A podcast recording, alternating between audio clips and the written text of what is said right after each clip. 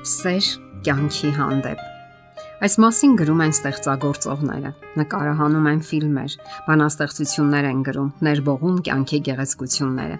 Շատերն էլ անկեղծորեն սիրահարվում են կյանքին եւ ձգտում վայելել նրա բոլոր հնարավոր վայելքները։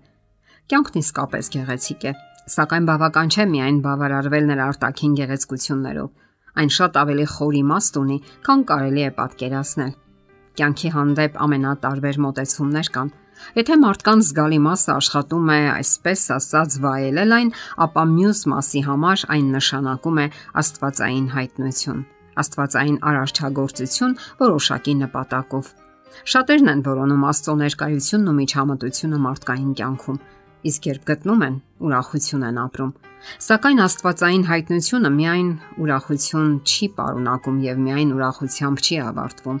Մենք գոհություն ենք ապրում եւ շնորհակալության զգացում այն ամենի համար, ինչ ապարգևել է Աստված։ Աստծո մեջ ապրող մարդիկ կարող են գտնվել ուրախությունների մշտական հարահոսի մեջ, որոնք օգնում են ապրել մեր անհանգիստ աշխարհում, օգնում են վերականգնել մեր մտավոր եւ հուզական հավասարակշռությունը եւ դա երջանկության համար անհրաժեշտ հուզական եւ ֆիզիկական հարուստ ապաշարով է ապահովում մեզ, դրթելով երախտապարտ լինել Աստծուն։ Ջոն Շինդլերը գրել է. Հիվանդությունները մեծ մասամբ հետևանք են հուզական ոլորտի խանգարումների, խախտումների, որոնք էլ արդյունք են տհաճ հույզերի, հոգսերի, վախերի, հիասթափությունների եւ ճիրականացած ցանկությունների ամենօրյա միապաղաղ կատկթոցների։ Մեծ տրամաբանություն հարկավոր չէ հասկանալու համար, որի վերջո մարդուն երջանիկ դարձնել ի վիճակի չեն ոչ հասարակական բարեփոխումները, ոչ օրենսդրական բարեփոխումները կամ էլ սոցիալ-տնտեսական խնդիրները հաջողությամբ լուծելը։ Երջանկությունը կյանքի յուրաքանչյուր ակնթարթը ըստ արժանվույն պատշաճ գնահատելն է մարդկանց անկեղծորեն սիրելը անկախ նրանց սոցիալական կարգավիճակից կամ բնավորության որակներից։ Դեռևս հազարամյակներ առաջ Իսրայելի Դավիթ թագավորը հորդորել է. «Թող գոհանան Տիրոջից» նրա հրաշքների համար, որ արավ մարդկանց ворթիներին։ Իսկ մեկ այլ տեղ նա գրում է. «Ով Տեր, քո խոսքը հավիտյան հաստատ է երկնքում։ Քո ճշմարտությունը մնում է ազգից մինչև ազգ, դու երկիրը հաստատեցիր եւ այն կենում է։ Այնուհետև Դավիթ թագավորը շեշտադրում է, թե ինչն է իր եւ շատերի կյանքի իմաստն ու նպատակը։ Եթե քո օրենքը իմ ուրախությունը չլիներ, ես զվաղուց կորած կլինեի իմ խեղճության մեջ։ Հավիտյան չեմ մոռանա քո պատվիրանները, որովհետև նրանցով ապրեցրիր ինձ։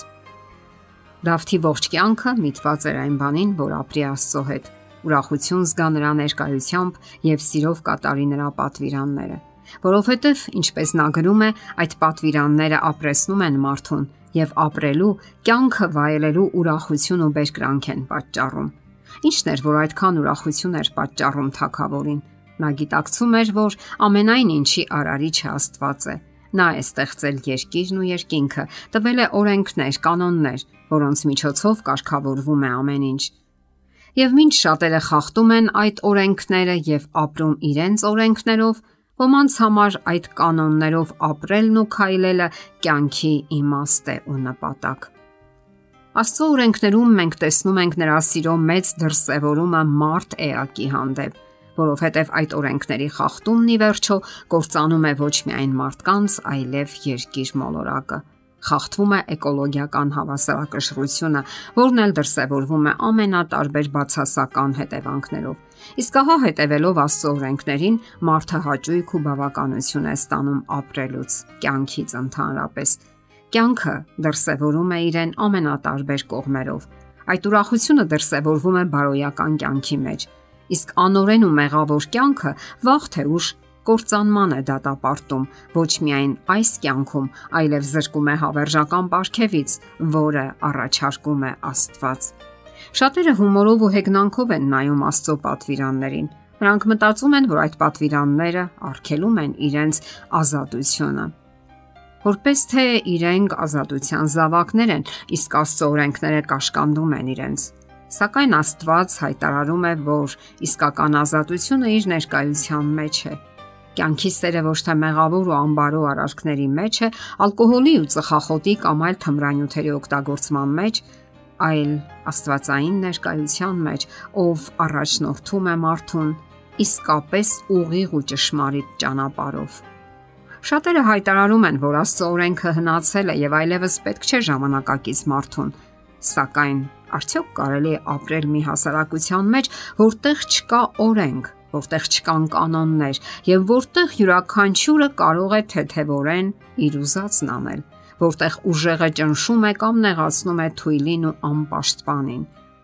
Կյանքը սիրելու շատ ու շատ ճանապարհներ ու ուղիներ կան, շատ ու շատ պատճառներ, սակայն ամենակարևորը եղել եւ մնում է Աստծո հետ նրա ուղիղ ու հուսալի ճանապարհով քայլելը